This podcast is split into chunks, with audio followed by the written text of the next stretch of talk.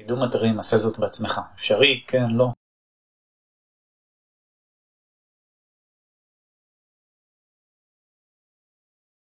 אז תכלס הרבה מהפעולות שעושים בקידום אורגני אפשר לעשות לבד. העניין הוא צריך לדעת מה עושים. אז עם קצת הכוונה, קצת ייעוץ ממישהו שהבין היטב בתחום, אתם תוכלו לרוץ על ה-70% לפחות של הקידום אורגני די בכוחות עצמכם. זה בעיקר דברים שקשורים לתוך להכין את התוכן הנכון, לשלב בו את המילות מפתח הנכונות. הרבה דברים שלא דורשים ידע מקצועי מי יודע מה. איפה הדברים מתחילים להסתבך? כאשר עושים קידום אורגני לבד, בעניין הקישורים.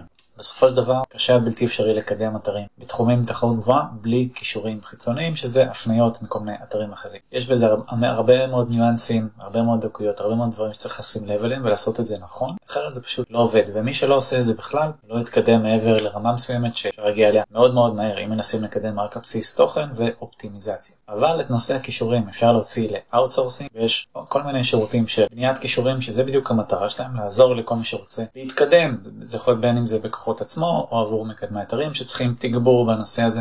יש כל מיני פתרונות, אבל אם אתם רוצים לעשות קידום אתרים בעצמכם, בין אם זה מטעמי חיסכון או פשוט ללמוד את התחום כי זה מעניין אתכם, אז אני מציע ללמוד היטב את הנושא של איך עושים תוכן נכון, איך עושים מחקר מילים מחדד על מה לכתוב, אופטימיזציה ברמה בסיסית, ואת נושא הכישורים עדיף לרכוש דרך שירות כזה או אחר, גילוי נאות, גם לי יש שירות כזה של בניית כישורים, מידע נוסף לתיאור הסרטון, בצורה הזאת זה יכול לעבוד מאוד מאוד יפה, ואז זה בעיקר עניין של עקביות וכמה אתם משקיעים בזה לאורך זמן, שיהיה בהצלחה.